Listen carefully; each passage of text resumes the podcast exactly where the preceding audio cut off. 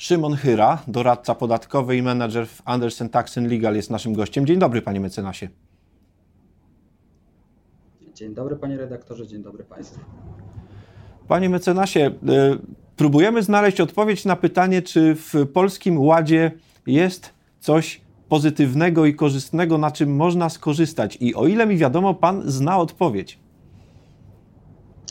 E, tak, panie redaktorze, w rzeczywistości, e, biorąc pod uwagę ostatnie doniesienia medialne i to, jaki, e, jaki kryzys wizerunkowy zaliczył rząd w ramach wprowadzanych zmian, przede wszystkim związanych ze sposobem naliczania zaliczek dla pracowników, warto zwrócić uwagę na to, że w Polskim Ładzie są rozwiązania, z których podatnicy podatku dochodowego od osób prawnych mogą i powinni korzystać. E, do takich, e, między innymi do takich e, nowych rozwiązań należy znaczące mm, zmiany wprowadzone w uldze badawczo-rozwojowej, przede wszystkim polegające na tym, że w pewnych przypadkach, a właściwie w większości przypadków zwiększony jest limit kosztów kwalifikowanych do odliczenia, razem z tym rozwiązaniem wprowadzane są rozwiązania e, w tak zwanej ulgi na innowacyjnych pracowników, e, czy nowe zasady stosowania jednoczesnego ulgi IP Box i ulgi na działalność badawczo-rozwojową, jak również nowa ulga na prototypy, czy już niezwiązane z samą działalnością badawczo-rozwojową ulga na robotyzację. Ale naprawdę to jest tylko mały wycinek tego, z czego można skorzystać już od rozliczenia za 2022 rok. No to samo w sobie jest wiadom dobrą wiadomością, która się rzeczywiście niewiele przebija, ale skoro jest z czego korzystać, to może rzeczywiście warto o tym porozmawiać. Ulga badawczo-rozwojowa y, nie jest nowością, prawda, bo my ją już znamy od pewnego czasu, natomiast teraz staje się korzystniejsza. Tak, zdecydowanie ulga na działalność badawczo-rozwojową od momentu jej wprowadzenia E, czyli od, począwszy od 2016 roku, z roku na rok zyskuje coraz to większą popularność. E, polega ona w dużym skrócie na tym, że oprócz wydatków rozpoznawanych jako koszty uzyskania przychodów na zasadach ogólnych, możemy niektóre koszty kwalifikowane e, ponownie odliczyć od podstawy opodatkowania i dzięki temu pomniejszyć po prostu podatek. E, co zrobić, żeby taką ulgę na działalność badawczo-rozwojową zastosować? Odpowiedź jest oczywista, trzeba prowadzić działalność badawczo-rozwojową. E, ta, ta działalność badawczo-rozwojowa jest oczywiście e, zdefiniowana w ustawie o podatku dochodowym od osób prawnych. Jest to tak naprawdę działalność twórcza, obejmująca badania naukowe i prace rozwojowe prowadzone w sposób systematyczny, która prowadzi do e, odnajdywania e, czy wprowadzania innowacyjnych e, rozwiązań na rynek.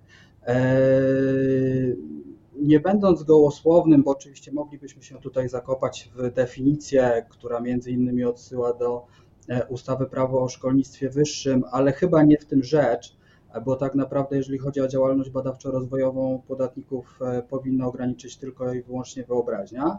E, w każdym razie e, jako przykłady takiej działalności badawczo-rozwojowej można wykazać systematyczne działania danego przedsiębiorstwa zmierzające do, do wprowadzenia jakichś innowacyjnych rozwiązań. Pierwszym z brzegu przykładem, który może odnosić się do naszej dzisiejszej rzeczywistości, jest na przykład platforma internetowa do kontaktu pomiędzy lekarzem i pacjentem, która ułatwia bezkontaktową diagnozę. E, w dzisiejszych czasach coś niesamowicie e, przydatnego.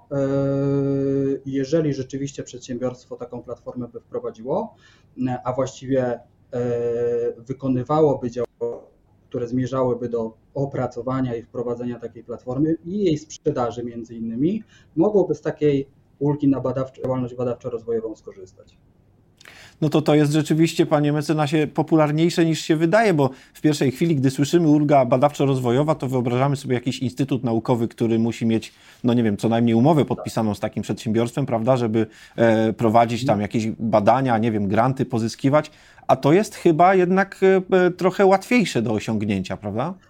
Tak, zdecydowanie w ramach prowadzonej działalności e, i współpracy, czy to z księgowymi, czy to z doradcami podatkowymi, e, w ramach planowanych inwestycji na pewno e, można rozważyć i zastanowić się nad wprowadzeniem takiej ulgi na działalność badawczo-rozwojową, co biorąc pod uwagę zmiany, które zostały wprowadzone Polskim Ładem, może przełożyć się na kolosalne oszczędności podatkowe. E, do tych kosztów kwalifikowanych e, można zaliczyć, e, które po raz drugi można odliczyć od podstawy opodatkowania, czyli tak naprawdę wydatek rozliczyć raz na zasadach ogólnych, a drugi raz jako koszt kwalifikowany z ulgi na działalność badawczo-rozwojową. Czyli to mamy takie 200% odliczenie, tak? Tak, tak, dokładnie. Chodzi o wybrane koszty kwalifikowane. Tak jak powiedziałem, one są różne. Do takich najbardziej oczywistych będą należały wynagrodzenie pracowników, e, którzy bezpośrednio poświęcają się E, działalności badawczo-rozwojowej w danym przedsiębiorstwie. Mowa tutaj również o składkach na ubezpieczenie społeczne, które pracodawca płaci od tych pracowników. E, proszę sobie wyobrazić, że jeżeli rzeczywiście przedsiębiorca mm, e, zatrudnia takich pracowników, to o ile koszt kwalifikowany przed Polskim Ładem wynosił 100%, czyli można było 100% tego wydatku ponownie odliczyć od podstawy opodatkowania, po Polskim Ładzie E, będzie można tego kosztu odliczyć, e, ten koszt kwalifikowany będzie odliczany w wysokości 200%. Więc jeżeli rzeczywiście e, jakiś dział w ramach danego przedsiębiorstwa taką działalnością badawczo-rozwojową się zajmuje. Są to wysoko wyspecjalizowani pracownicy, którzy, którzy taką działalność prowadzą, no to wtedy koszt wynagradzania tych pracowników będzie w podwójnej wysokości odliczany w ramach ulgi, dział, ulgi na działalność badawczo-rozwojową. No właśnie, i teraz okazuje się, że Polski Ład spowodował, że ta ulga B plus R, badawczo-rozwojowa, może być stosowana także z IP Boxem, tak? To kolejna tak, jest jakaś preferencja dla autentycznej innowacyjności. Tak, dokładnie. E, rzeczywiście oprócz tej ulgi na działalność badawczo-rozwojową mamy ten szczególny reżim opodatkowania polegający na tym, że dochody z wybranych praw własności intelektualnej, na przykład z patentów, opracowanych w ramach działalności badawczo-rozwojowej, e, opodatkowujemy e, obniżoną 5% stawką podatku. Eee, jest to oczywiście odrębna podstawa opodatkowania. Eee, obliczamy ją w inny sposób niż ta podstawa opodatkowania na zasadach ogólnych. Eee, I przed Polskim Ładem od tej podstawy opodatkowania nie mogliśmy odliczać kosztów kwalifikowanych wynikających z ulgi B plus R.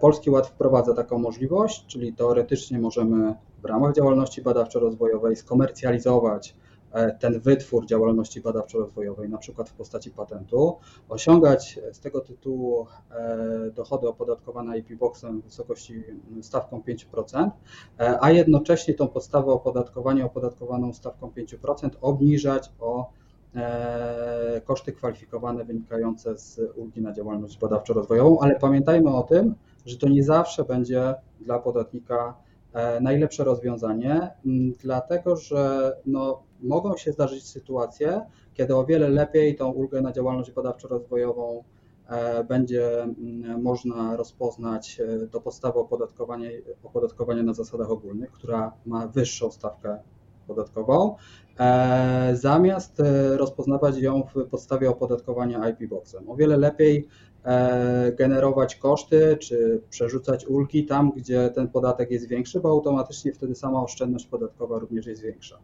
Ale tak jak mówię, to też kwestia jakiegoś indywidualnego wypadku, który za każdym razem trzeba ocenić. Możliwość jest. No, przynajmniej tyle. Rzeczywiście dobrze jest tu słyszeć, że y, jest możliwość, kiedy y, w koło słyszymy, że ten polski ład to właściwie wszystko zabiera i, i, i wszystko utrudnia. Ale nie oszukujmy się, panie mecenasie, e, to nie chodzi mi o to, że chciałbym jakoś kończyć bardzo negatywnie e, i pesymistycznie, tylko raczej o to, że rozmawiamy o rozwiązaniach dla chyba dużych przedsiębiorstw, w każdym razie takich, które mogą się przynajmniej w jakiejś swojej części działalności e, poświęcić e, badaniom i rozwojowi, e, to raczej nie są rozwiązania dla jednoosobowych działalności gospodarczych, prawda? Nie zawsze. Z naszego doświadczenia wynika, że również e, informatycy, architekci, którzy prowadzą jednoosobową działalność gospodarczą, e, również mogą z takiej ulgi na działalność badawczo-rozwojową e, skorzystać. Mm, oczywiście o wiele trudniej jest po pierwsze ponieść koszty wprowadzenia takiego, takiej instytucji, mm, zabezpieczenia się w odpowiedni sposób, no bo pamiętajmy o tym, że jednak wpływamy dosyć znacząco na podstawę opodatkowania, co zawsze może budzić takie, a nie inne skojarzenia po stronie fiskusa i niestety doprowadzić do ewentualnej kontroli, ale nie chcę nikogo zniechęcać, bo e, tak naprawdę e, mądra polityka podatkowa w tych czasach, polegająca na odpowiednim zaplanowaniu, pewnych działań, na mm, wprowadzeniu ich i zabezpieczeniu się w odpowiedni sposób, może naprawdę długofalowo przynieść e, określone oszczędności podatkowe, e, które nie są zarezerwowane tylko i wyłącznie dla dużych podmiotów na rynku. Jak Pan mówi długofalowe, to jaki okres ma Pan na myśli, Panie mecenasie? Myślę, że ulga na działalność badawczo-rozwojową, w zależności oczywiście od tego, jak duży jest to projekt, E, może zwrócić się e, w ciągu tak naprawdę nawet jednego roku, e, ale nie wykluczam również sytuacji, gdzie rzeczywiście mm, trzeba brać pod uwagę troszeczkę dłuższy okres, 3, 4, 5-letni, gdzie rzeczywiście te nakłady mogą być większe. Wszystko zależy od tego, w jaki czas podatnik przewiduje na to, żeby w ramach tej E, ulgi na działalność badawczo-rozwojową rzeczywiście dojść do pewnego etapu, dzięki któremu będzie można e, no, po prostu skonsumować tą ulgę na działalność badawczo-rozwojową. A pamiętajmy, że to tak naprawdę nie będzie koniec, E, bo dalej możemy na przykład ją skomercjalizować i skorzystać z ulgi IP Box opodatkowanej niższą stawką procentową. Jest ulga na prototyp, która mm, wprowadza dodatkowe odliczenie w wysokości 30% e, w ramach wydatków na próbne uruchomienie produktu czy wprowadzenie nowego produktu na rynek. Więc rzeczywiście ta działalność badawczo-rozwojowa zaczyna nam się rysować e, jako jedna z najważniejszych jedno z najważniejszych ułatwień, w ramach których można tak zaplanować e, swoje rozliczenia podatkowe, żeby po prostu w e, perspektywie mm, bliższej lub średniej zaoszczędzić na, na zobowiązaniu podatkowym. Czyli na koniec, jakby spojrzeć na cały ten, ten program rządowy zwany Polskim Ładem, można chyba zaryzykować takie twierdzenie, że Rząd próbuje nam powiedzieć, zyskasz przedsiębiorco, co, ale pod warunkiem, że dasz coś od siebie, w sensie będziesz innowacyjny i przyłożysz się do rozwoju swojej firmy, ale też czegoś więcej niż swojej firmy, tak? Tak, dokładnie tak. E, innowacyjność, wprowadzanie nowych produktów, e, brzydko mówiąc, rozpychanie się na rynku, nie tylko polskim, ale również zagranicznym, E, ekspansja, zatrudnianie i zatrzymywanie w Polsce ekspertów. To są cele, które przyświecały ustawodawcy w ramach wprowadzonych zmian. Nie można również zapomnieć o robotyzacji, gdzie naprawdę w Europie jesteśmy na szarym końcu, nie mówiąc już o ujęciu globalnym. E, jak to będzie działało, jak podatnicy będą w stanie z tego skorzystać, bo to, że przepisy są, to jedna sprawa, ale to w jaki sposób podatnicy z nich skorzystają, to druga. Przykład najprostszy, najbliższy, y, najświeższy, czyli rozliczenia w ramach e, Polskiego Ładu pierwszych zaliczek w 2022 roku, no. E, gdzie rząd obiecywał, że rzeczywiście wszyscy, wszyscy większość pracowników e, zleceniobiorców i tak dalej zyskał. Okazuje się, że rzeczywistość brutalnie to zweryfikowała i stało się tak, jak się stało. Mm, w związku z tym nie będziemy oceniać wprowadzonych przepisów, nie możemy oceniać wprowadzonych przepisów już teraz, e, bo tak naprawdę nie wiemy, jaki praktyczny wymiar one będą ze sobą niosły.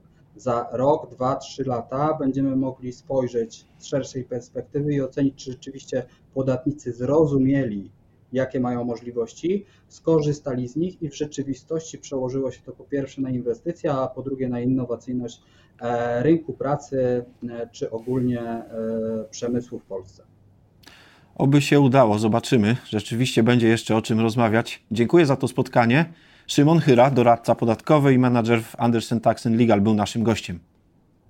Dziękuję panie redaktorze, dziękuję państwu. Do usłyszenia.